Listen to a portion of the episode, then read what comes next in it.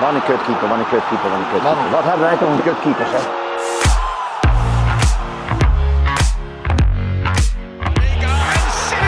En die penalty.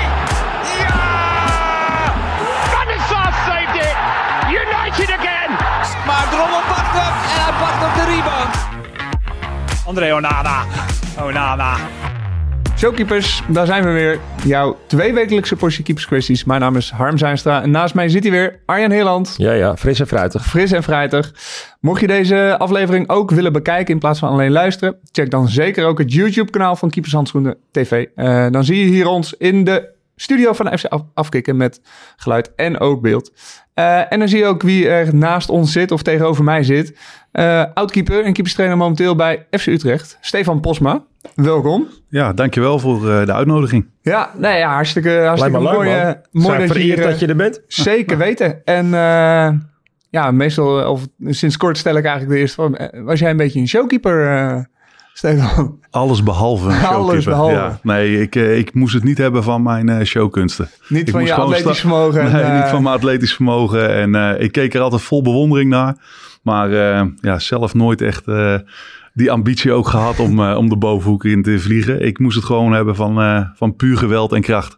Puur geweld en kracht. Nou, je hebt een carrière gemaakt in, eh, eh, in, in Engeland, in de Premier League ook. Dus eh, wellicht kwam dat daar eh, goed van pas. Naar welke showkeepers keek je wel graag? Ehm, mijn absolute idool was Hans van Breukelen. ja. Ehm, Vond ik niet echt een showkeeper. Ah, hij had wel gevoel voor, toch? Met dat oogje Ja, en zo, ja. het wijzen. Maar wel- niet echt in het duiken. Dat was Nee. uit die tijd. Nee, het was- het Joop Hiele, zeg Ja. maar, was de showkeeper van die tijd. Ja, Hans was ook eh, voor mijn gevoel gewoon echt iemand die keihard werkte om, eh, om het alle, allerhoogste te bereiken. En eh, ja, daar keek ik heel erg tegenop.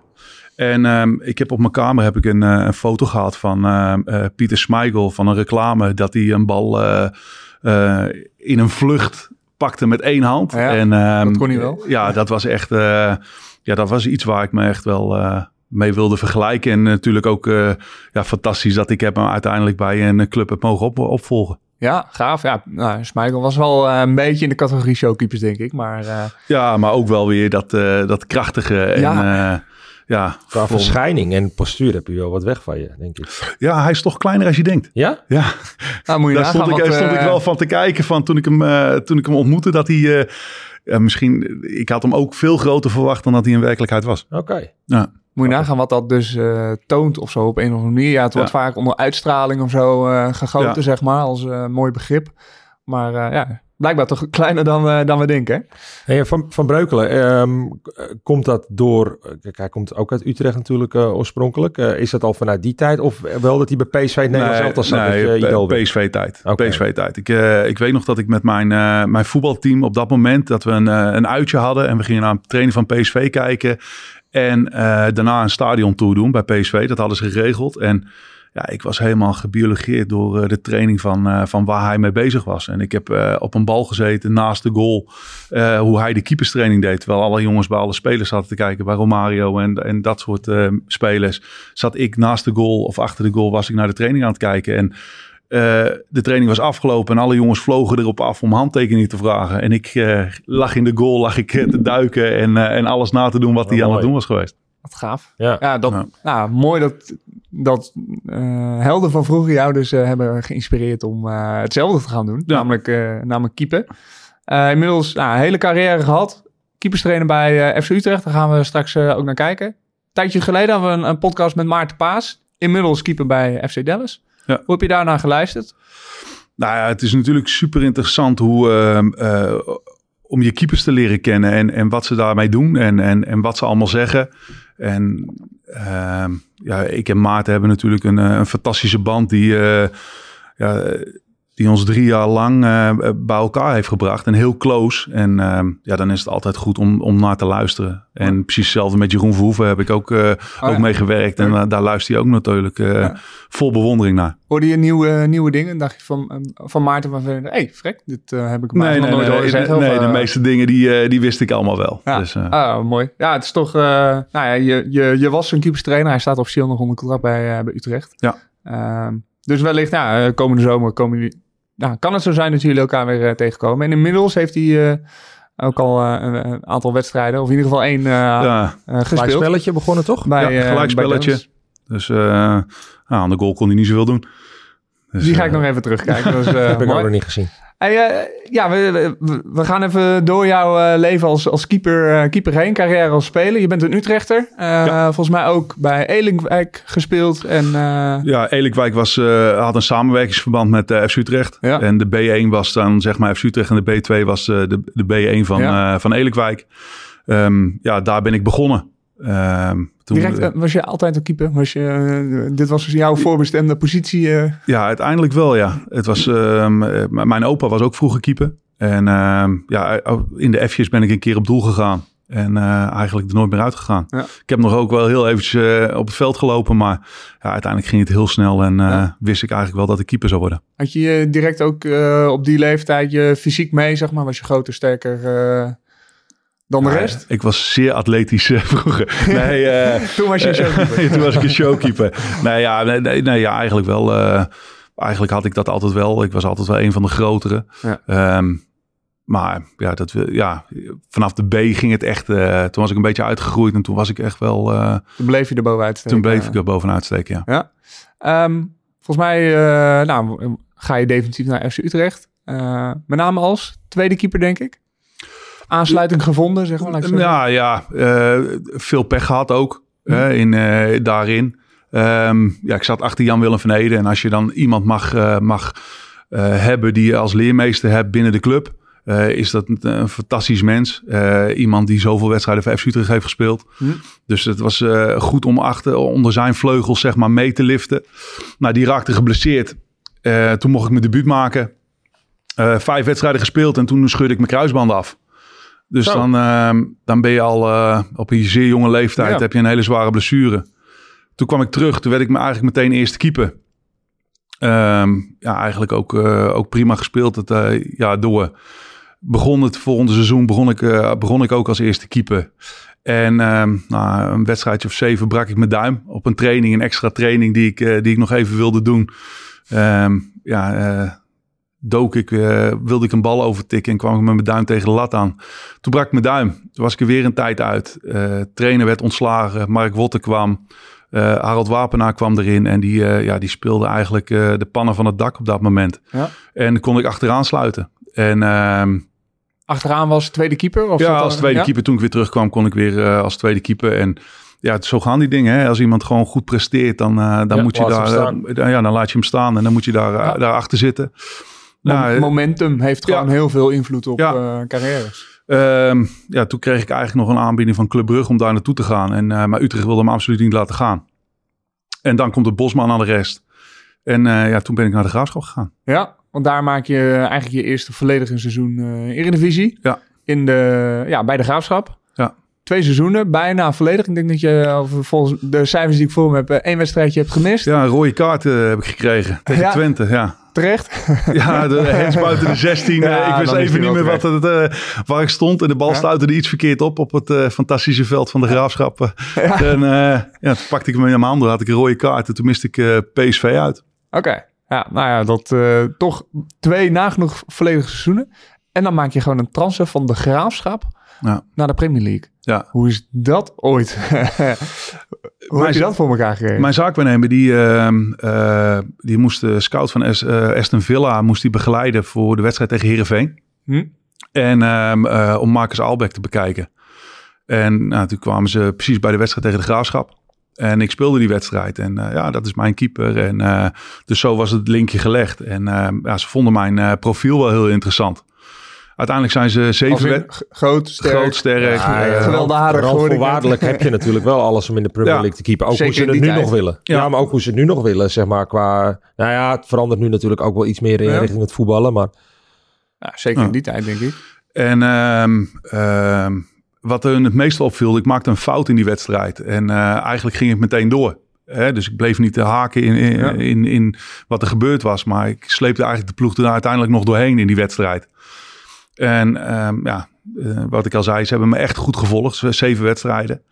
En uh, ja, de laatste wedstrijd uh, kwam uh, Sir Graham Taylor, die kwam, kwam kijken bij die wedstrijd. En ehm, toen speelde de laatste wedstrijd thuis tegen PSV. En ja, het, was, dat, dat was een wedstrijd in de stromende regen waar ik me echt thuis voel. Als, als het regent, dan, ja? dan, ja, dan, dan bloei ik helemaal op. Mooi dat je Engeland hebt gekozen. Maar... Ja, en ehm, ja, het, het, ja, het stadion wist ook dat, uh, dat, uh, dat de manager er was. En ja, je merkt dan alles van dat het allemaal goed zat. En in de rust, ik, had, ik was helemaal doorweekt. En ik was, mijn shirt was helemaal zwart. En, en ik had zoiets van, ik ga geen eens mijn shirt wisselen. Ik zit zo lekker in. Ik, ik hou alles aan en ik loop gewoon meteen weer het veld op. En dat is ook wel weer iets terug wat terugkwam in het gesprek wat ik na de wedstrijd met hem had. En uh, nou, ik werd uitgekozen tot de beste speler van het jaar. Ik werd op de schouders gedragen. En uh, ja, daarna zit je dan in een, in een, een hotel met, uh, met de manager te praten. En uh, ja, die zei van, ja, ik wil je hebben, dus maak je maar niet druk. Het gaat rondkomen. Ja, maar even uh, zo'n jaar de graafschap. Nou, je wordt uh, uh, speler van het jaar. Je, je keept lekker. Ja. Gedurende die zeven wedstrijden, zeg maar. Hij, wist je al, zeg maar, dit, dat dit liep? Ja, Uiteindelijk die laatste. ook inderdaad, ja. of je wist dat het liep. Ja, ja want ik heb bijvoorbeeld, we hadden een uitwedstrijd tegen AZ. Toen, toen heb ik de keeperstrainer ontmoet. Oh ja. Um, Eric Steele. Uh, echt een uh, grootheid in Engeland. Later bij uh, Man United ja, gezeten. Ja, ja, echt een grootheid qua keepersgebied in Engeland. die heb ik ontmoet. Dus ze hebben echt heel goed, heel grondig werk gedaan hoe, om mij te scouten. Dus ja, het was ja, fantastisch om mee te maken eigenlijk die maar, tijd. Maar deed dat iets met je, zeg maar? Nam je het mee naar elke wedstrijd? Van ja, verrek, ze zitten weer op uh, tribune of... ja, uiteindelijk, tuurlijk zit je daar wel mee. Maar ik, ik was zo op mijn plaats bij de Graafschap. Dat is soms, soms past een club gewoon bij een speler. En, en de graafschap qua filosofie, uh, um, um, de strijdlust die ze wilden hebben, uh, het spelsysteem, het paste echt bij mij als, als persoonlijkheid. Ja. En um, ja, ik voelde me daar zo thuis dat ik, ja, ja ik, ik, ik weet niet precies hoe ik dat moet uitleggen, maar ja, het, het was gewoon echt precies zoals het moest zijn. En ja, ik, ik heb een fantastische tijd daar gehad. Ja, dat je eigenlijk zoiets had van, joh, leuk dat ze er zitten, maar ik heb het hier fantastisch naar mijn zin. En als het niks wordt, ook goed, zit ik hier prima. Ja. Dan ga je toch met een bepaalde onbevangenheid wel je ja. potjes in natuurlijk. Ja, kan ik me voorstellen. Drie jaar Aston Villa. Hoe groot uh, was die stap? Of die, uh... Ja, nou ja, het verhaal natuurlijk, uh, wat ik al eerder gehoord heb, is, is, dat je ergens naar een groter niveau komt. Hè? Wat, wat Jeroen, ook zei, Jeroen Verhoeven ook zei. Van je komt daar en dan, dan gebeurt er iets. En dan, dan heb je eigenlijk niet het idee van het gaat zo snel. Het niveau was zo hoog. Kan ik eigenlijk wel keepen? ja, kan ik er nog wel iets kan van? Ik, kan ik er nog wel iets van? En het was echt een gevecht voor mij in die, die eerste maanden om, om staande te kunnen houden ja. op dat niveau. En ehm, ik weet nog, er was op een gegeven moment een afwerkvorm. En ik pakte een bal. En toen dacht ik bij mezelf, huh? Pak ik deze? Die gingen er allemaal in. En ineens pakte ik hem. En um, dat was ook een moment dat die knop omging. hey, ik ben er. En uh, ik kan nu het gevecht aan. En uh, ja, dat is, dat, dat, is gewoon echt wel heel erg mooi geweest. Maar ja, uh, het gevecht tegen de eerste keeper van Denemarken. Ik heb de eerste keeper van Finland had ik voor me. Eerst toen de, de eerste welke keeper. concurrenten had je daar gehaald? Ik had in eerste instantie Enkelman. Ja. Dat is uh, Finse nationale doelman. En die, uh, uh, daar hadden ze heel veel potentie. En die wilden ze ook echt brengen als eerste keeper. Nou, die had het ook echt heel erg zwaar dat eerste jaar. Um, toen kwam uh, David O'Leary en die bracht meteen Thomas Sørensen, uh, eerste nationale doelman van, uh, van Denemarken, namen ze binnen. Uh, dus ja, daar, daar zat ik achter als, ja, als jochie uit Utrecht. Ja, nou, en, um, uiteindelijk wel een aantal wedstrijden gespeeld. Ja, ja. Echt, Hoe oud was je toen? 24. Ja, prachtig toch op die leeftijd? Ja, ook echt verschrikkelijk veel van geleerd. En Alleen, um, ja, ik was echt het gevecht aangaan. En um, op een gegeven moment krijg je dan een keer je kans. En ja, dan speel je eigenlijk de wedstrijd van je leven. En dan op dat moment toen uh, kreeg ik eigenlijk die wedstrijd. Daarna speelden we thuis tegen Fulham. En ik had echt het idee van, ja, weet je, ik heb, ik heb 2,5 jaar heb ik lopen knokken om deze kans te krijgen. Ik speel de wedstrijd van mijn leven. Uh, ik moet wel spelen. Het kan, ja. het kan niet dat ik niet speel. Ja. En Thomas Seuris had eigenlijk de hele week nog niet getraind. En die ging de laatste dag voor de wedstrijd kwam die toch weer uh, op het trainingsveld. En toen een uur voor de wedstrijd zei de trainer weer, je speelt niet. Ik uh, zet Thomas uh, op het spel. En toen, toen knakte er bij mij wat. En ja, de volgende dag op maandag meteen naar het kantoor gegaan. Als Nederlander dat je bent. En meteen ja. verhaal vragen. En ook meteen uitleggen van, ja, wat moet ik nou nog meer doen? Dan die dan de wedstrijd van mijn leven spelen. Ja. Hè, en het was natuurlijk ook nog, we speelden thuis tegen Fulham. Die had in de 93 minuut het eerste schot op doel. Dus toen dacht ik ook van ja, als ik deze wedstrijd had gespeeld, die bal had ik ook gepakt. Dan hadden we ook met 2-0 gewonnen. Had ik meteen, had ik de wedstrijd van mijn leven en de volgende wedstrijd had ik de nul gehouden. Ja, dan, dan wordt het al moeilijker om hier te wisselen. En uh, hij, zei, hij zei heel, Thomas is gewoon de eerste man en dat is de keuze die je moest maken. En toen toen was meteen de knop voor mij om van, uh, ja, ik ga weg. Ik ga, ik ga mijn hel ergens anders zoeken. Ja, dat kon ook. Je had uh, een, een aflopend contract of uh, ruimte om te gaan? nou ja, eigenlijk niet, want hij wilde me heel graag houden. Hij had me nog een verbeterde aanbieding gedaan om, om te blijven. En, maar ik had echt zoiets van, ja, ik wil niet terugkijken en altijd maar denken van dat ik tweede keeper ben overal weg geweest. Ik wil gewoon kijken, want ik denk dat ik, dat ik verder kan komen. Ja. En ja, uiteindelijk heel snel naar naar Wolves gegaan, waar de assistent trainer, waar ik mee bij Aston Villa had gewerkt, die daar zat daar. Dus ik kon eigenlijk meteen naar Wolves en uh, ja. ja. ik werd daar eerste keeper. Ja, in Championship. In Championship. Uh, de ronde, Wolverhampton Wanderers. Ja. Bijna een heel jaar weer gespeeld. Ja, en als je dan over een competitie hebt die mij echt uitstekend lag, was dat de, de competitie waar ik uh, me echt kon uitleven. Uh, veel hoge ballen in de 16 meter, uitkomen, knallen. En uh, ja, daar, daar kon ik me echt heel goed in vinden. Uh, Toch maar één jaartje gezeten? Zat daar ja, nog iets achter? Ja, uh, uiteindelijk uh, in Engeland hebben ze zeg maar een bepaald uh, parachute money. Dat als je degradeert uit de Premier League, dan ja. krijg je nog twee jaar geld. Ehm, wij moesten dat jaar moesten we echt terugkomen. Hadden ze ook flink in geïnvesteerd om terug te komen. Nou, we haalden het niet. En ja, toen moesten ze iedereen, zeg maar, salaris of iedereen die uit contract loopt, moesten allemaal weg. Ik had met Glenn Hoddle had ik de afspraak van dat ik weer terug zou komen als hij zijn contract zou verlengen. Uiteindelijk uh, kwam hij er niet uit met de club. Ging hij weg. En uh, ja, daardoor mijn optie om terug te gaan was ook niet, uh, niet meer terug. Hè, die weg was er niet meer.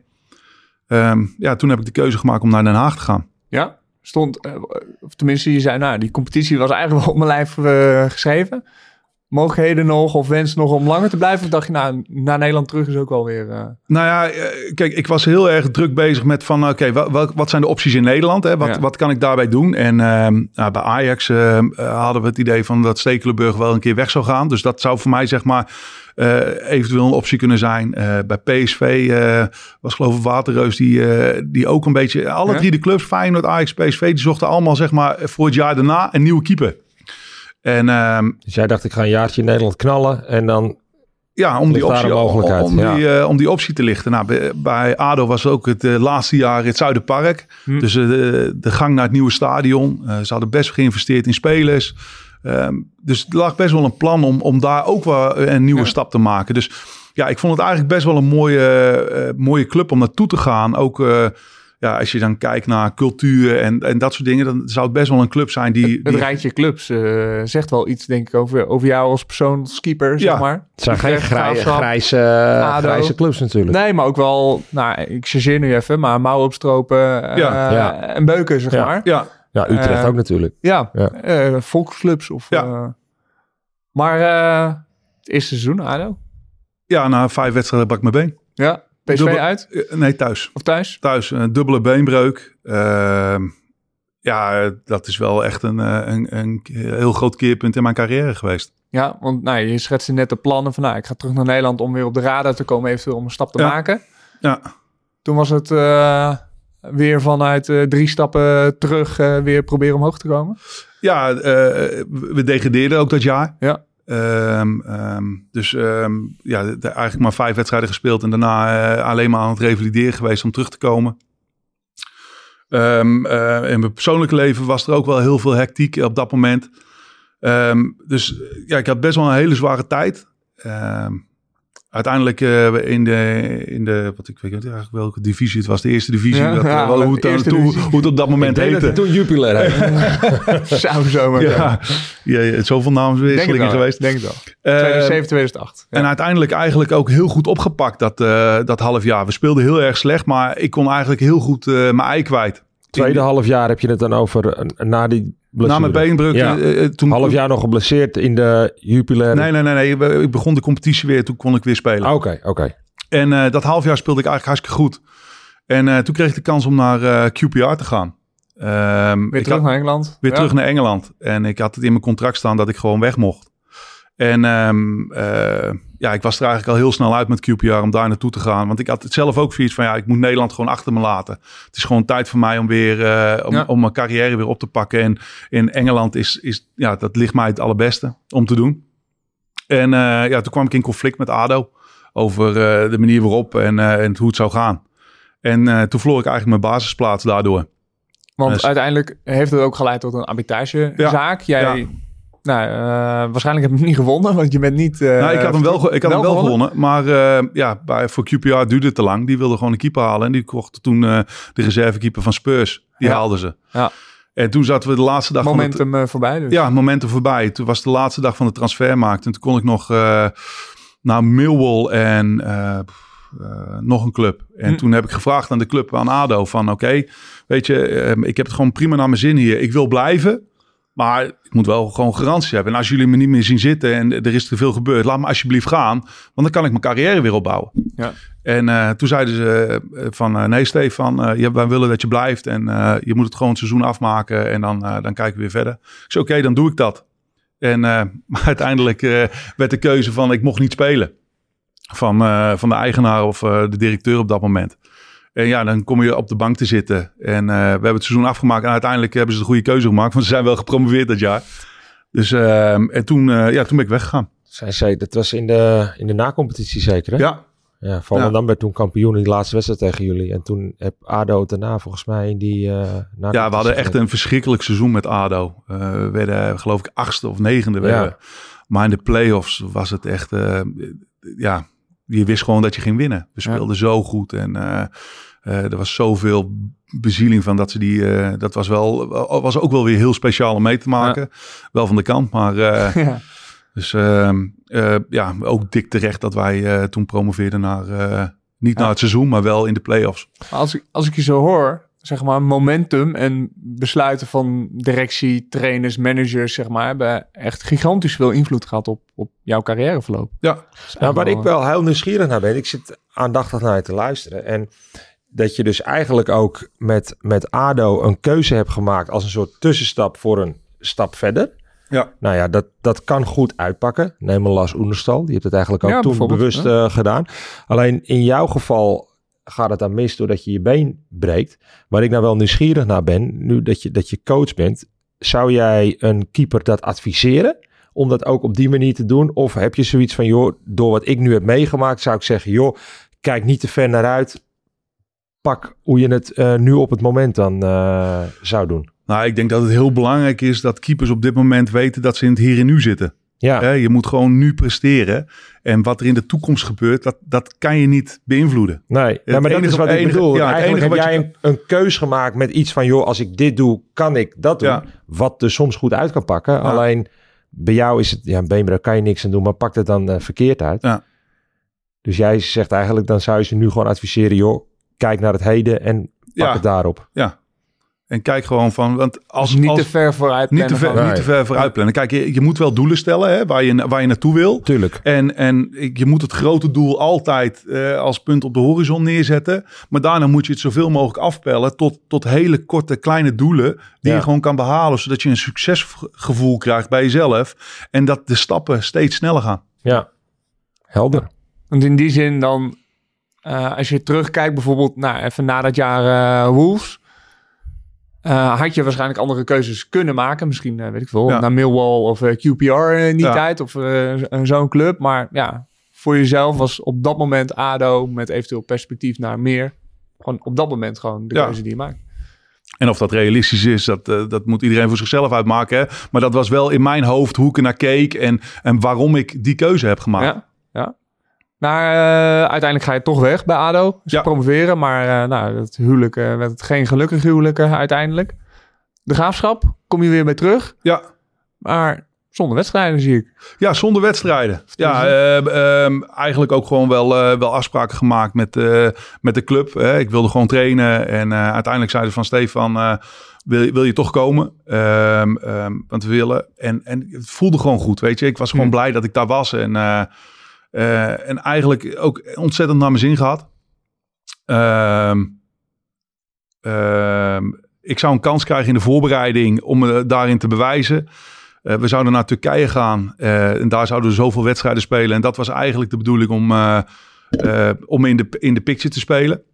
Alleen die trip ging niet door door eh, de omstandigheden in Turkije op dat moment. Eh, was veel onrust, dus die trip ging niet door. En we hadden maar één wedstrijd, dat was Espanyol thuis.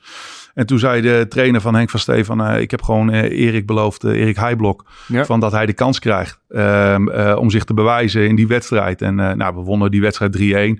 Nou, dan weet je ook wel van hoe laat het is. En ehm, ik had ook zelf, er was zoveel om mij, om mij te doen geweest, dat ik zelf ook zoiets had van, hey, ik wil even op de achtergrond.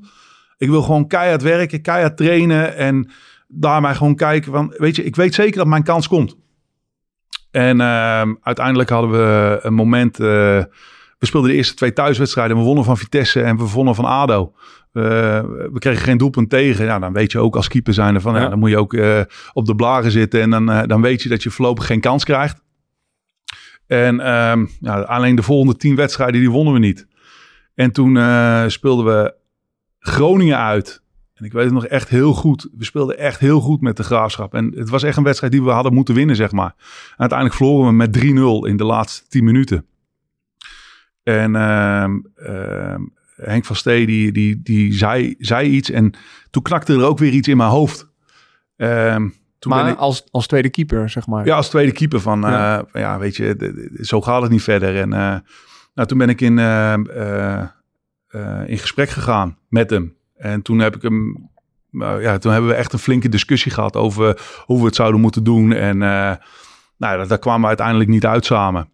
En toen hebben we besloten dat we het contract zouden, zouden opzeggen met elkaar. En ehm, eh, gewoon in goed overleg. En dat, dat vind ik dan ook wel weer mooi aan, eh, aan, aan Henk van Stee. Dat je, dat je gewoon wel een knetterende ruzie kan hebben met elkaar.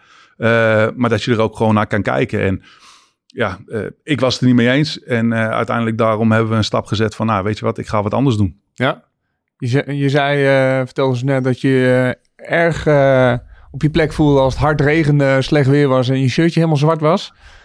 Maar dan ga je naar Cyprus. Ja, ja. Jaartje op het strand of... eh, Op het moment nou ja, dat hij het- keek, het- regende het daar. Ja, ja, ja. nee, nee het, was, ja, het was eigenlijk... eh, eh, eh, de transfer deadline was geweest. Het was eh, half ja. februari. En eh, ja, ik had niks. En toen, toen kwam eigenlijk Cyprus voorbij. En toen had ik zoiets van... Ja, oké. wat- En, je, en je was transfervrij. Want Ja, ik was transfervrij. Ik had mijn Ja. contract dus natuurlijk opgezegd bij de, Ja. bij de graafschap.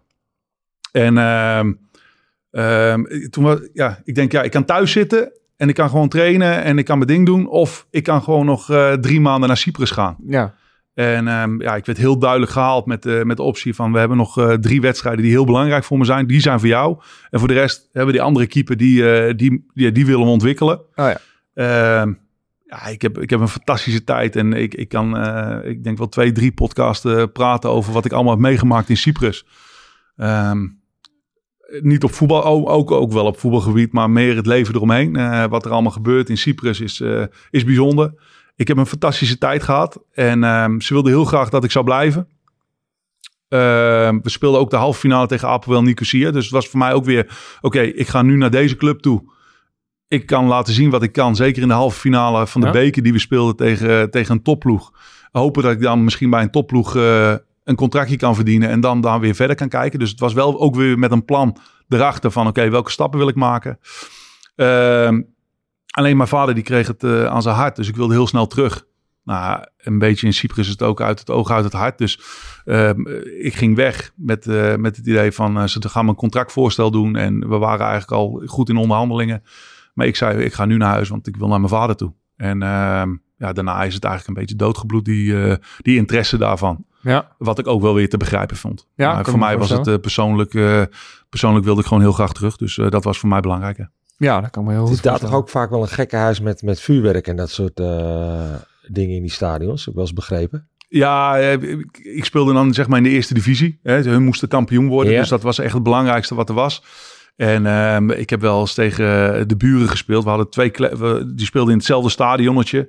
En de ene kleedkamer was van ons, de andere kleedkamer. Die waren naast elkaar. Ja, en ehm, we speelden dan ehm, eh, die wedstrijd tegen elkaar. En die, uiteindelijk werd die 1-1. En eh, ja, wat je dan allemaal mee- meemaakt aan vechtpartijen en, en, en hectiek eromheen. Dat is echt... eh, Ja. Ik stond in de deuropening, stond ik heel rustig te kijken wat er allemaal gebeurde. Maar die Cyprioten gingen helemaal los. En alle buitenlanders die bleven rustig even kijken hoe dat allemaal ging. Dus eh, ja, mooi om mee te maken. Ja. Kan ik me voorstellen. Het zijn ook nog wel landen, inderdaad, nou, je zei, eh, ik kan er vier podcasts over, over vullen. Het zijn ook wel landen, er gebeurt altijd iets op zo'n club. Of het nou een, een gekke voorzitter is, of, Ja. of eh, vier trainers in een jaar. Of Ja. Wat- even, één- kun je één ding uitlichten waarvan je zegt, nou, die, eh, wat ik toen heb meegemaakt. Eh, ja, eh, het is lastig. Lastig om anekdotes daarin te vertellen. Maar eh, eh, de, de voorzitter van de, van de club was echt een hele grote meneer op, eh, op het eiland. En eh, we moesten die wedstrijd hebben. We moesten die wedstrijd spelen. En ehm, we speelden dus de halve finale voor de beker. En eh, eh, de president die vond het eigenlijk niet zo belangrijk. Want die, de wedstrijd op zaterdag was tegen de grote concurrent. Die was veel belangrijker. Voor het kampioenschap. Voor het kampioenschap. Maar ik zou dus de halve finale spelen en die andere wedstrijd, die zou ik spelen. Dat waren de wedstrijden voor mij om, eh, om zeg maar beslissend te zijn. En toen kwam ik ineens in de bus en toen keek ik om me heen. En ik dacht dat ik de A-junioren bij me had. Dus ik denk, ja, halve finale van de beker. Ik zit in de verkeerde bus. Ik stapte weer die bus uit. Ik ging weer naar een andere bus. Nee, nee, je moet in deze bus. Dus de, de eigenaar vond de wedstrijd zondag belangrijker. Dus had de A-junioren voor de halve finale voor de beker. Dus ik stond de wedstrijd te spelen tegen, tegen de grote kampioen op dat moment. Hapoel Nicosia. In dat stadion. Hoeveel nul ben je eraf gegaan? Of Ja, uiteindelijk is het maar 3-0 geworden. Dus eh, Maar die moeten ze me dan toch ook even uitleggen. Je haalt een keeper uit Nederland vandaan of voor die belangrijke potjes. Die ga je er dan inzetten en dan denk je tegelijkertijd, weet je wat? Ik stuur hem op pad met 10 A-junioren. ja, ja het, was- het- het- maar zo ging het dus week op week. Ja. Elke week gebeurde er zo, zoiets geks of wat dan ook. Hij kwam een keer een bonus uit, eh, uitreiken eh, bij ons. Eh, de dollar was enorm in elkaar geklapt. Dus hij had een tas vol dollars. En die gooide die op tafel van jongens, als jullie de wedstrijd winnen, dan zijn deze dollars voor jullie. En die Cyprioten draaiden helemaal door. Want die, die, die konden ook niks meer doen. Die dachten alleen maar... Je we moeten nooit zoveel geld bij elkaar Nee, we moeten dat winnen, we moeten dat winnen. Dus die begonnen alleen maar te schoppen en, te, en erin te vliegen. Ja, het was geen eens een wedstrijd meer. Het was gewoon een bal in het midden en kijken of eh, één grote rookwolk en dan kijken waar de bal uitkwam. Dus, ehm, dus ja, dat zijn de dingen die je dan wekelijks meemaakt. Mooi dat dan zo'n voorzitter nog wel denkt dat het helpt om zo'n tas vooraf op die tafel te gooien. Eh, om die wedstrijd daadwerkelijk te winnen. Ja. Eh, uiteindelijk sluit je af bij AGOVV. Ja. dat beeld staat mij nog het meest bij, omdat, omdat wij toen eh, denk ik een aantal wedstrijden tegen elkaar hebben gespeeld toen ik bij Emmen speelde. Ja, ik vond het altijd, AGVV had een enorme charme, maar ja, ik vond het soms ook wel een beetje treurigheid, zeg maar. Hoe, eh, hoe heb jij die tijd ervaren daar? Ja, het eerste jaar was echt, echt ongelooflijk goed. Hè, ehm, ehm, John, van der Brom was Oh ja. trainer, eh, Ja. daar ik mee gespeeld had bij de, bij de Graafschap. Chatley, Mertens, die periode? Ehm, ja, uh, Metters was net weg, Hm. maar Shatley was er. En ehm, Lindenberg ging daar toen voor. Lindenberg ging er naartoe. Eh, we hadden echt een heel erg goed elftal. Eigenlijk gewoon eredivisiewaardig eigenlijk waar je naartoe ging. Hm.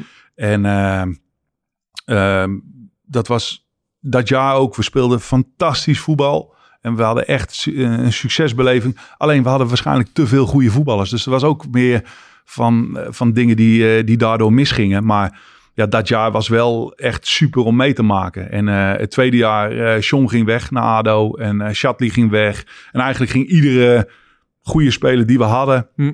Die gingen allemaal weg. Dus we bleven eigenlijk over. En eh, ja, dat volgende jaar was eigenlijk meteen dat we in de financiële problemen kwamen. En, en ik was de enige oude speler nog. Ehm, dus ik was eigenlijk meer bezig om de randvoorzaken te doen. En eh, toen speelde ik eigenlijk ook gewoon een heel ongelukkig seizoen. Omdat ik met zoveel dingen bezig was. Behalve met eh, mezelf eh, Met keeper. met keeper en te Ja. presteren. En ehm, eh, dat ik ook fouten maakte. En dat je ook op een gegeven moment merkt van mensen kijken om. En die zitten ook te kijken zo van... eh nou, nou is je kop, weet je, een paar keertjes, een paar ballen. ja. En, ja, dan eh, gaat je krediet of geloofwaardigheid verdwijnt een beetje, zeg Ja. maar. Ja, en het, het was ook zeg maar, ik, ik kon mezelf ook niet meer. wat heel eh, typerend daarbij was, is zeg maar dat ik het spel zag. Ik zag het spel voor me en ik zag de aanval over links komen. Ik keek naar rechts. Ik zei tegen de, tegen de rechter centrale, let op, want die spits die komt zo meteen daar en daar staan. Dus daar moet je staan. En dan kwam die bal en dan stond die centrale verdediger niet meer. Maar dat, dat kon ik niet meer goed plaatsen in mijn hoofd. En dan schoot die, keep, eh, schoot die spits schoot op het doel. En, maar ik dacht van, ik heb toch gezegd dat hij Ja, maar, nou, ben je eigenlijk al weer te laat. Zeg maar. Ja, en ik kon dat niet meer. Ik kon Ja. niet meer die reddingen maken die ik moest maken. Dus ja, toen had ik ook zoiets van, ja, weet je, eh, Misschien is het tijd om te stoppen. misschien is het tijd om te stoppen, ja. Je En, was eh, 34, 35? Ja, 34. Ja. En ehm, eh, ik kreeg een hele mooie aanbieding om eh, eh, commerciële afdeling te gaan, eh, gaan doen bij je- AGOVV. Wat je al een beetje deed, eh, Ja, tenminste. ja. En eh, eh, eigenlijk was dat ook wel een hele bewuste keuze om gewoon te kijken van ik ben nu nog jong genoeg om iets anders gaan aan te leren. Om, om in de toekomst toch weer een eigen leven te kunnen gaan, eh, gaan creëren. En ehm, dus ik begon daarmee. En ehm, op een gegeven moment toen, eh, toen was de trainer, ja we hebben geen keeperstrainer Stefan. Zou jij misschien op eh, dinsdag en donderdagochtend de keepers kunnen trainen? Nou, de eigenaar van de club was er ook mee eens van. Mooi, hè? Bulleman. betaald voetbalvereniging, geen keeperstraining. Nee. iemand van kantoor natuurlijk wel. Met, Ja, en eh, uiteindelijk won, f- kreeg ik daar wel mijn passie door, eh, door Ja. terug. En eh, toen wist ik eigenlijk wel van, eh, ja, het allerliefste wat ik doe is, eh, is dat. Dan, eh, Nou, Ja, mooi je- dat je dat op die manier hebt kunnen ontdekken, toch? ja. Ja. en dan ben je ineens keeperstrainer. Dan eh, gaat dat eh, pak uit van die commerciële functie en dan eh, toch weer het trainingspak aan. Eh, volgens mij binnen een jaar of na een jaar eh, kom je al bij Utrecht terecht. Ja, ik, eh, doordat ik keeperstrainer was bij AGOVV, mocht ik de opleiding doen van de Keepers Pro. Ja. Cursus. Ehm, ja, wat me eigenlijk heeft ge- eh, gecreëerd waar ik nu zit. Ehm, na een jaar, eh, ik was die cursus nog aan het doen. En ehm, ja, bij AGOVV kwam een nieuwe, nieuwe leiding. Nieuwe, nieuwe weg gingen ze inslaan. Dus ja, ik moest stage lopen. Toen kon ik bij Utrecht stage lopen. Eh, en met de vraag van, ja, kan jij het keepersplan schrijven voor de keeper van, 2002, van 2020? Om vanuit daaruit ook voor de cursus, om dat helemaal te maken. En daar eh, een filosofie op te bedenken. Wat, eh, wat past bij onze club. Nou, dat heb ik gedaan. En dat jaar heb ik daar echt goed voor gebruikt. Ik kon met Jean-Paul met eh Jong FC Utrecht meelopen. Ik trainde de jeugdopleiding, de, de jeugdkeepers trainde ik.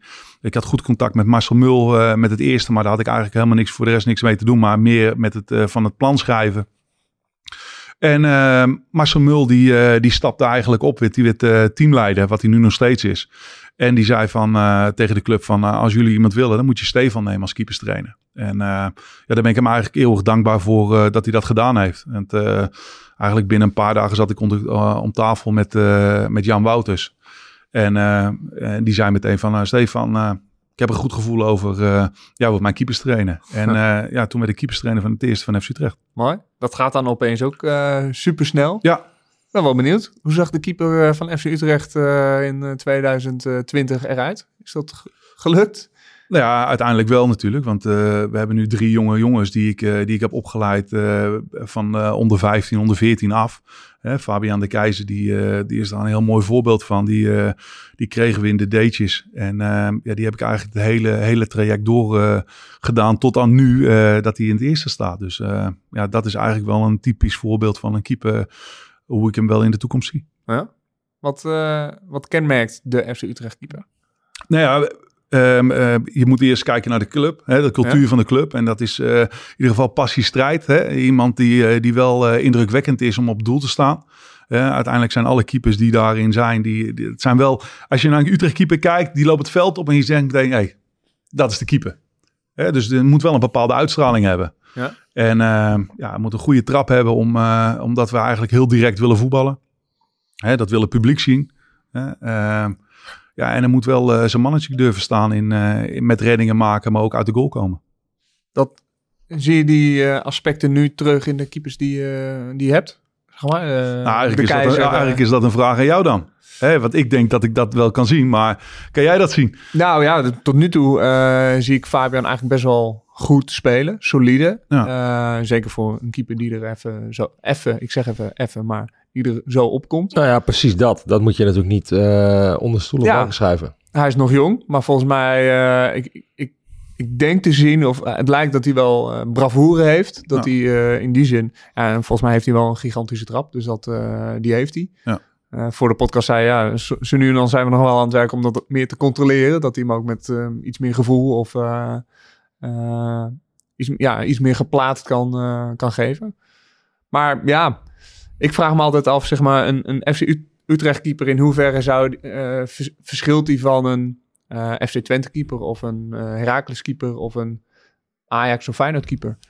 Nou ja, dat ligt er denk ik heel erg aan wat, wat de, de club daarin wil. En wat voor beleid en filosofie ze daar eh, of zelf in hebben of, eh, of in zoeken. Ja, maar laat ik het zo zeggen. eh, die lijn kan ik niet altijd ontdekken. Laat ik het zo zeggen. Nee, nou, dat, kijk, nou ja, om daar even terug naar te refereren. Ik, ik, in het begin van het jaar hebben wij een podcast opgenomen met de veranderingen wat er in het jaar zou komen.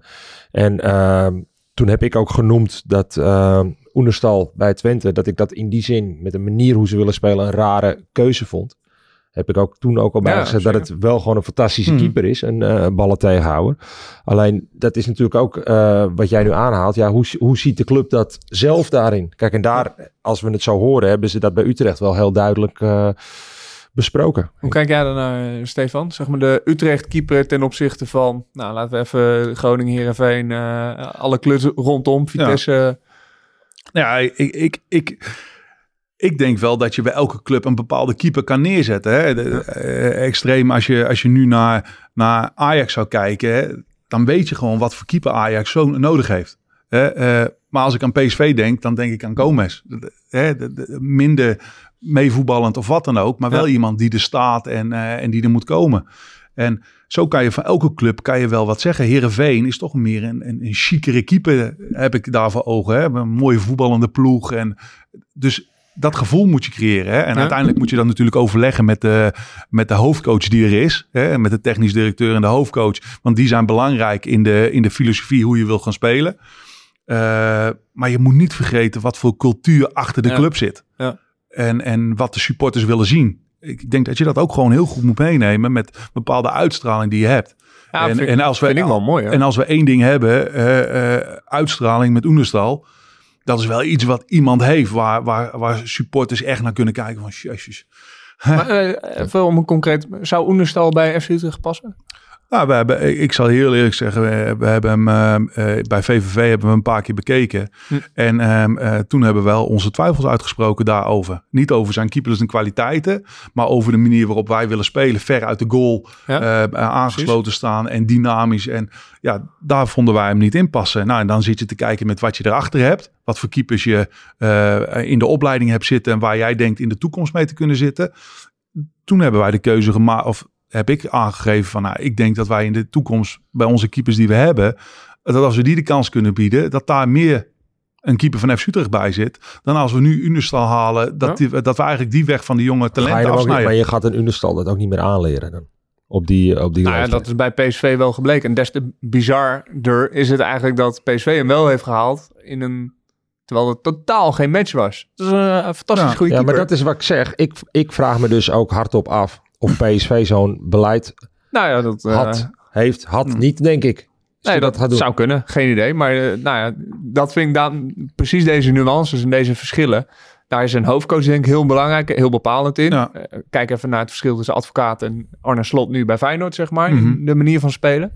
Maar ook het DNA van zo'n club. Ja. Eh, wat verwacht je publiek en waar, waar gaan ze op aan? Of waar, waar, waar krijgen, ze, krijgen ze het Spaans benauwd van, zeg maar? Ja, dan moet je ook denk ik wel heel goed meenemen in, eh, Ja. in de keuzes, in opleiden, maar zeker ook in aantrekken van, Ja. eh, van keepers. Ja, Hoe ik wel heel erg onder de indruk ben van Unestallen. Dus ja nee, Nee, ja, maar ik laten ook, we- laten we dat, eh laten we Nou, dat maar daarom vooropstellen. haal ik dat ook aan. Want eh, eh, mensen slaan mij er wel eens mee om de oren. Oh, je had het toch over die begin van het jaar. Ja, klopt. Het voetballen Ja. en de manier waarop ze willen spelen. Maar in het ballen tegenhouden, eh, nou vind ik het misschien wel de beste die op dit Ja. moment in de Eredivisie staat. ja, nou ja, absoluut. En, eh, En ik denk ook, ook natuurlijk dat Twente iets verdedigender is gaan spelen. Hè? Ja. Dus eh, Ja. ze zijn wat lager bij de 16 meter gaan staan. Dat komt natuurlijk wel uit in zijn spel. Klopt. Hè? De reddingen die hij kan maken, die kan hij wel maken op de manier waarop eh, Twente verdedigt. ja, die zou die eh, veel minder krijgen als hij nu nog bij PSV had gespeeld, zeg Ja. maar. En daarom is, de, is het vergelijk bijvoorbeeld tussen Drommel nu en Oenestal nu gewoon totaal niet fair. Omdat, omdat je gewoon een, ja, appels met peren aan het vergelijken Ja, Ja, precies. Klopt. Ehm, ja, laatste jaren volgens mij eh, flink wat keepers eh, onder de lat gezien. We hadden Jeroen Verhoeval, eh Maarten Paas. Nu Fabian de Keizer. Ulslegel hebben we gezien. Nijhuis, Soet, Jensen, Marsman, Ruiter, Bednarek. Ja. Ik denk voor jouw tijd eh, was Michel Vorm, denk ik. Ja, was voor mijn Ja. tijd. Ehm, toch de naam eh, Utrecht inderdaad met grote talenten die ze hebben. eh, en die je nog steeds hebt. Eh, volgens mij zit daar heel veel moois in het vat. Maar het is ook wel onrustig geweest. Of trek ik daar een te snelle conclusie? Ja, ik, eh, ehm, als je zo alle namen eh, noemt, dan is het wel, wel onrustig geweest. Als je echt wat dieper inzoomt om de, om de redenen waarom ze gewisseld zijn, dan is het heel vaak gewoon een blessure geweest. Ja. En waardoor iemand anders de kans kreeg om, om zich te bewijzen. En ehm, ja, wat ik wel vind, en dat is wel een beetje meenemen wat ik uit mijn carrière heb. Als je, als je als tweede keeper bent en je werkt elke keer keihard. Wanneer is dan de tijd dat je iemand de kans geeft om, om een keer eerste keeper te worden? En ehm, ja, wa- waar we gewoon wel hebben naar gekeken. Als iemand gewoon goed presteert en iemand is lang geblesseerd geweest en je hebt goed gepresteerd. Ja, dan verdien je ook gewoon de kans om, om dat shirt te hebben. En, eh, en dat is wel iets wat ik probeer toe te voegen aan onze opleiding.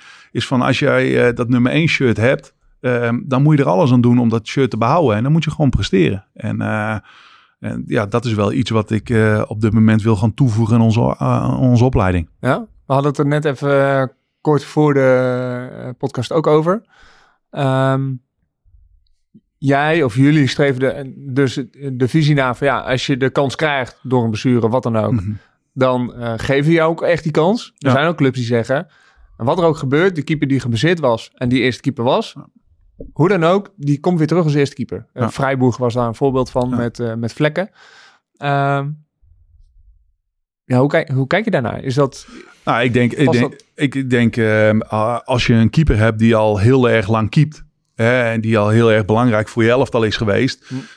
ehm, dat, dat, dat dat is. Maar als je een situatie hebt gecreëerd waar de nummers 1, 2 en 3 heel dicht bij elkaar zitten. Ja, dat is ook weer een andere dynamiek die er dan is binnen, Ja. binnen een elftal. Ja. Dus ik, dat je daar ook heel erg goed moet naar gaan kijken. Ehm, ehm, als je bijvoorbeeld de eerste keer kijkt, eh, eh, Robin Ruiten, die raakte eh, geblesseerd. ehm, met een hele vervelende val tegen Feyenoord. Ja. En David Jensen kwam erin. En die speelde verschrikkelijk goed. Hè, Robin liep uit contract. David Jensen speelt heel erg, heel erg goed. Ja, dan ga je niet meer wisselen. Weet je, op dat moment speelt hij heel erg goed. We hebben het eigenlijk ook meegemaakt met, ehm, ehm, met Maarten. Maarten speelde eh, en raakt geblesseerd aan zijn hoofd. Is er een tijdje uit. Eh Erik Oelslegel komt er door omstandigheden komt hij erin. Speelt erg, heel erg goed. We halen als punt halen we zoveel verschrikkelijk veel punten. Die geeft een bepaalde rust. Ja, dan moet je als club ook zeggen van... Hey, we, we gaan wel voor resultaat. En we moeten zorgen dat Ja. dat, er, dat ervoor staat. Hè? Dat betekent ook weer dat we in het nieuwe seizoen... dat we weer anders gaan kijken. Hè? Dat we alle twee wel weer de kans krijgen om... eh, hè, dat we dat Maarten niet afschuiven... maar dat hij in de voorbereiding gewoon weer de kans krijgt... Hm. om zich te bewijzen. En, en zo moet je er een beetje naar kijken. Ja. Ik denk wel dat, um, als ik jou zo hoor, ook met dat, met dat voorbeeld van vlekken, die kan je natuurlijk wel, of iemand moet het wel zo subliem doen, dan wordt het lastig. Maar anders kan je hem natuurlijk ook heel simpel twee kanten op uitleggen. Want je kan ook gewoon inderdaad zeggen van, nee, eh, je hebt het niet beter gedaan dat het vlek hebt gedaan, je hebt het altijd goed gedaan. We zetten hem Nou, terug. Vlekken had nog geen staat van dienst hè, toen bij eh Freiburg. Toen Nee, oké, maar dan, dus, maar je kan dan de keuze inderdaad maken van, ja, eh, hij heeft het goed gedaan, maar niet beter, we zetten hem terug. Of je zegt inderdaad, ja, je hebt het goed gedaan, eh, we laten hem voorlopig staan. Dus dat, dat, Ja, ja, ja. daar kan je, dat is ook een dun lijntje natuurlijk. Nou, ik, ik vraag me in die zin ook wel eens af: is het altijd nodig om maar één eerste keeper te hebben?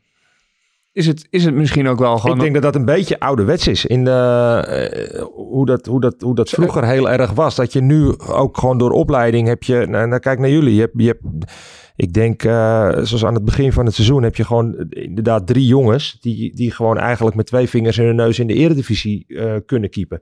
Kijk, en dat ja, was, waarvan één het nog wel moet bewijzen. Ja. Dat is hij nu aan het doen. Ja, maar de maar Maar goed, dan, dan had je er dus zeg maar drie. En, en voorheen was het natuurlijk heel vaak zo. eh, je had een, een eerste keeper en er werd ook echt een tweede bijgehaald. Ik denk dat dat Ja. een beetje een, een omslag wel aan het maken is op dit moment. Ah, als, ik, als ik zelf terugkijk naar mijn carrière. Kijk, ehm, ehm, eh, toen Jan-Willem van Ede er was, was het ook echt... Jan-Willem van Ede is de eerste keeper. En Ja. ik was jeugdkeeper die erachter zat. En ik mocht gewoon met hem meeliften.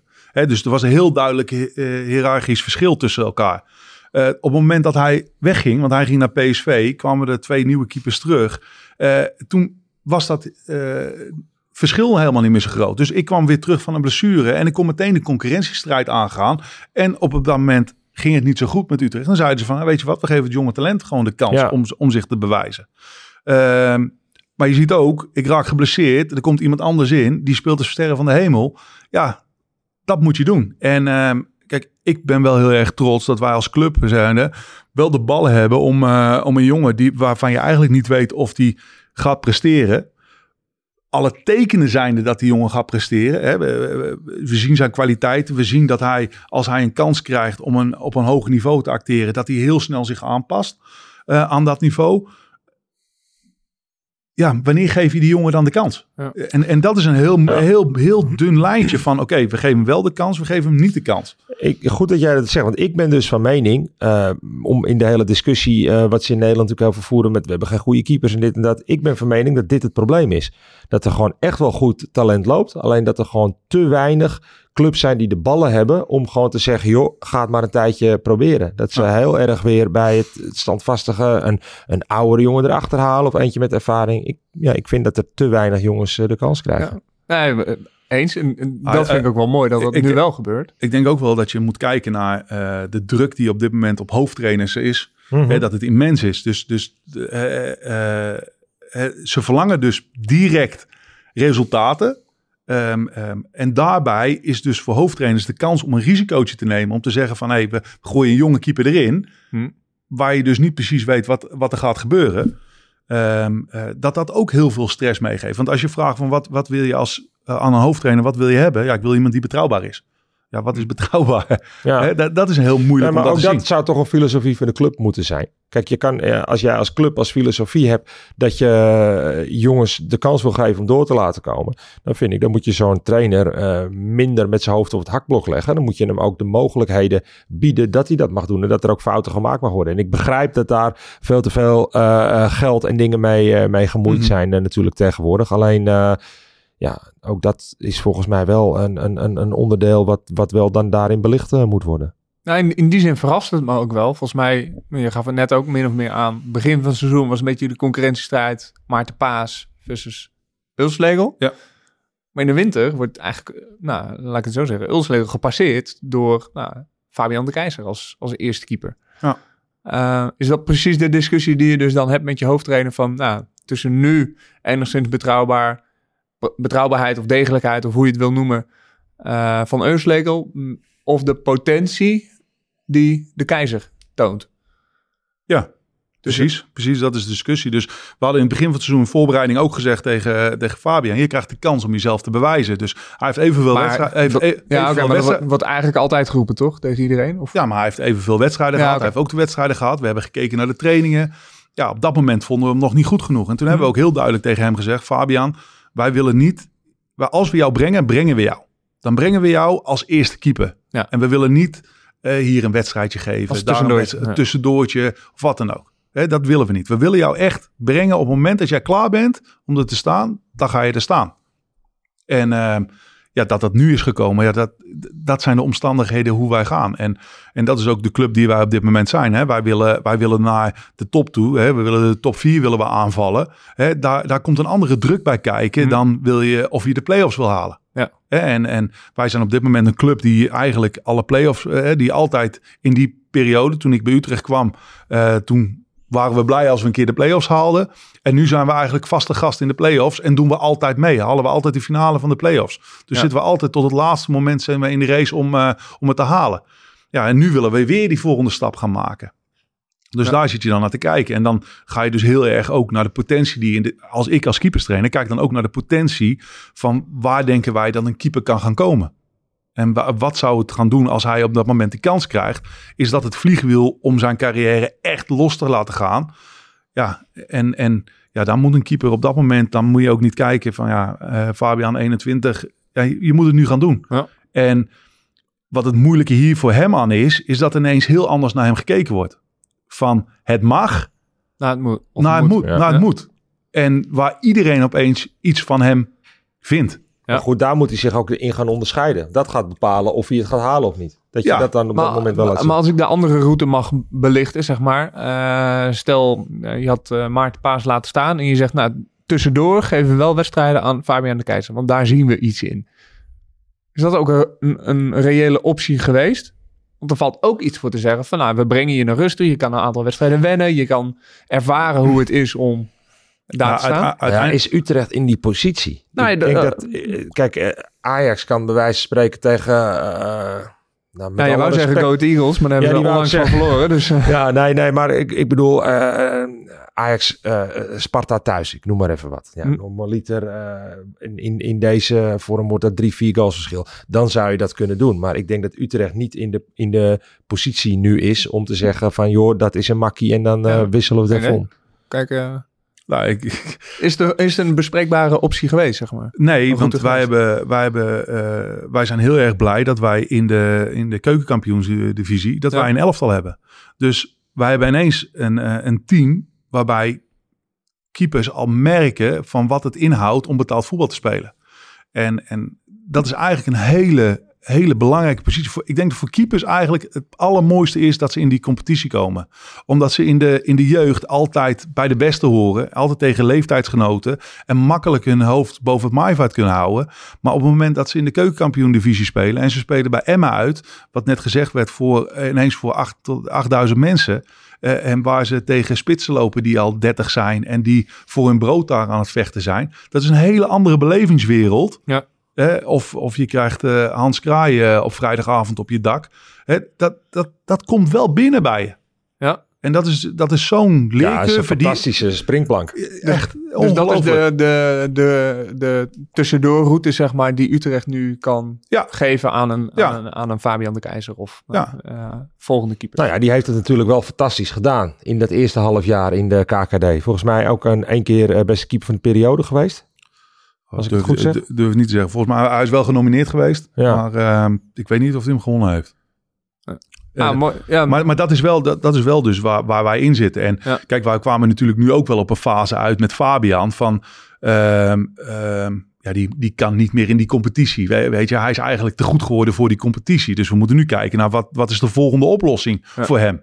Hè, en, en daar waren we wel aan het kijken van, moeten we hem misschien verhuren, ja of nee? Of hè, hoe kunnen we dat oppakken? Wat we nu met Tijmen gedaan hebben. Ja. Tijmen hebben we een jaar, eh, hè, die, dus met z'n drieën zaten ze elkaar eigenlijk in de weg. een soort van wel. Het is een luxe probleem. Het is een luxe probleem. Dus Tijmen, ga jij maar even weg naar MVV. Ga daar maar kijken hoe het daar is. Hè? Word daar maar hard. Om, om een keer onder de vleugels van Utrecht de, de veilige omgeving weg te gaan. Maar probeer het maar eens ergens anders eh, waar te maken. En nu kwam eigenlijk die fase waar Fabian in kwam om die fase te maken. Maar ja, alleen ja, wij, wij denken dat hij goed genoeg is om, om zich nu te onderscheiden in de Eredivisie. Dus we geven hem nu die kans. Mooi, eh, mooi dat die kans zich eh aanbiedt. Zitten, komen er nog meer keepers eh, eraan? Volgens mij is er vorig jaar, twee jaar terug, ook eentje naar Manchester City gegaan. Van Sas. Ja? Ja. Eh, Ja. nou, Als je, als je dan zeg maar dat ook kijkt, wat, dat vind ik ook wel mooi. Eh, Mickey past ook precies in het profiel van Manchester City daarin. oké. Hè, dus, dus, maar dan ook FC Utrecht, als we die even naast elkaar hebben? Ehm, ja, het ligt eraan hoe je het kijkt, maar hij heeft zoveel voetballende kwaliteiten. Ja. Hè, dat, dat, dat is bijzonder om te zien. Dat, dat is een genot om naar te kijken. En dan, dan, weet je, dan kan ik best zien dat hij als Edison daaraan eh, komt. Hè, hij heeft ook Ja. gewoon keeperskwaliteiten. Maar daar achteraan komt natuurlijk wel zijn voetballende kwaliteit... waarmee hij het verschil kan maken bij Manchester City. Ja. En dat is natuurlijk bij Utrecht een stuk minder. Ja, daar word je minder op beoordeeld of Ja. veroordeeld. Ja. Eh, eh, maar eh, voor de rest komt er nog weer een nieuwe stroom van nieuwe Fabian de Keizer. dat is altijd het moeilijk om te zien. Hè? Dus, en, en dat is ook het enerverende van, van de academie. Ehm, eh, je kan wel inschatten van, oké, in elk elftal hebben wij wel een keeper die bepaalde kwaliteiten heeft. Maar om het in te schatten halen, ze- gaan ze het wel halen, gaan ze het niet halen. Ehm, ja, dat, dat is moeilijk. En dan, dat- ik vind het ook moeilijk om daar zeg maar een stempel op te zetten. wat, wat is jouw invloed of betrokkenheid bij, eh, bij het opleiden van nou, de nieuwe FC Utrecht keeper? Ehm, nou ja, we zijn nu dus bezig met, eh, met het keeper van 2025. Hè? En waar Ja, wij... eh, een, een nieuw proefschrift, een nieuwe scriptie. Ja, een nieuwe scriptie daarin. En waar we, waar we heel erg gaan inzetten op motorische vaardigheden. Hè, wat je de, de, dus meer eh, het atletisch vermogen van de keeper. Ja. Hè, wat je nu dus wel echt heel erg ziet bij, eh, bij kinderen. Dat het gewoon heel erg achteruit gaat. Dus daar zitten we heel erg in. En we zijn toch heel erg bezig met, eh, met de prestatiedruk.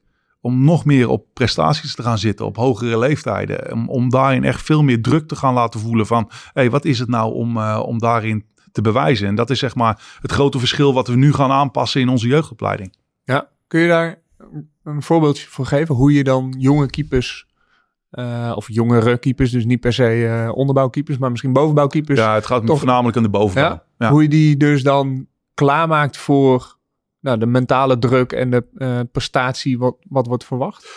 Nou, het belangrijkste is zeg maar dat wij altijd op zoek waren van nou, ga, maar, ga maar uitzoeken wat de beste oplossing is. Uh-huh. Dus dus in, in het teamverband kijken van nou, waar, waar willen we spelen, hoe gaan we die bereiken, wat kan je daarbij doen. Is het nu veel meer, wat is het resultaat ervan? Ja. Dus dat je in die hogere elftallen echt resultaatgericht gaat van oké, jij wilde hem bewijzen, maar je, je, je haalt hem niet. Hè? Wat, wat krijg je daardoor? En, eh, en ook gewoon een keer ernaast zetten. Dus, Gewoon echt laten voelen dat het pijn doet om, om daarin te zijn. En als je maar ook eens, eh, ik noem even wat, 17-jarige keeper een keer eh, in de KKD laten spelen? Nou ja, als, dat- als, dat moet. Hè. Op dit moment maakt een jongen van, eh, van 18, hè, die, waar wij, omdat eh geen onder 19 team meer is, Ja. die is doorgeschoven naar Jong. Die heeft nu vijf wedstrijden gespeeld. Ja. Of hij er klaar voor is, dat weet je niet. Maar hij krijgt een geweldige kans. En hij heeft een paar hele goede wedstrijden gespeeld. Contract getekend toch onlangs? pas geleden een contract getekend. Hij heeft met het eerste meegetraind. Dus ja, die mogelijkheden zijn er wel. En ehm, ja, in drie elftallen gebruiken wij negen keepers.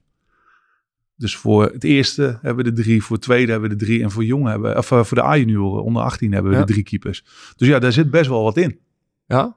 En een mooi voorbeeld ook bij Fabian is bijvoorbeeld, die speelde in onder 18 of onder 19, was die eerstejaars A-junior. En ehm, eh, het tweede jaar hebben we gezegd, ja, je speelt niet meer wedstrijden tegen de Heerenveens, Den Haag en dat soort dingen, omdat wij als Utrecht vaak beter zijn. Daar heb jij niks aan. Jij gaat in de, op dat moment ga jij trainen met jong. En dan doe je daar een partijspel. En dan, ga, Hmm. hè, dan gaan we daar die druk op leggen.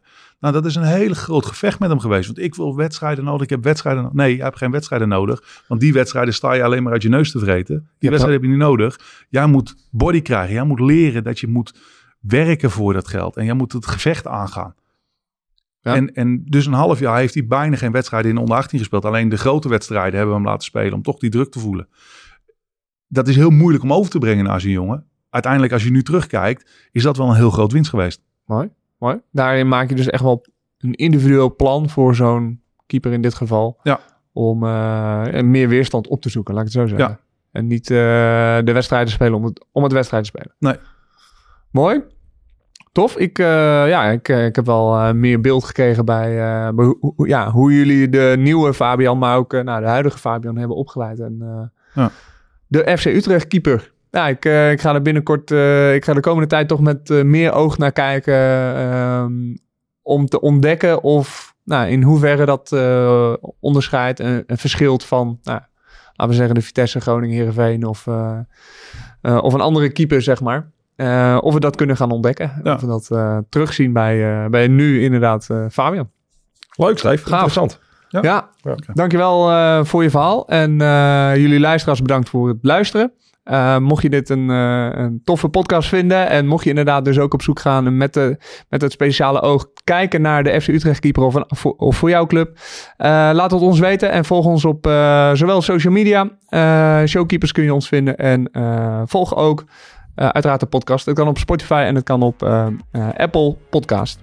Ehm, over twee weken zijn we er uiteraard weer. Zeker. Weer met een volgende gast. En voor nu, dank voor het luisteren en tot de volgende keer.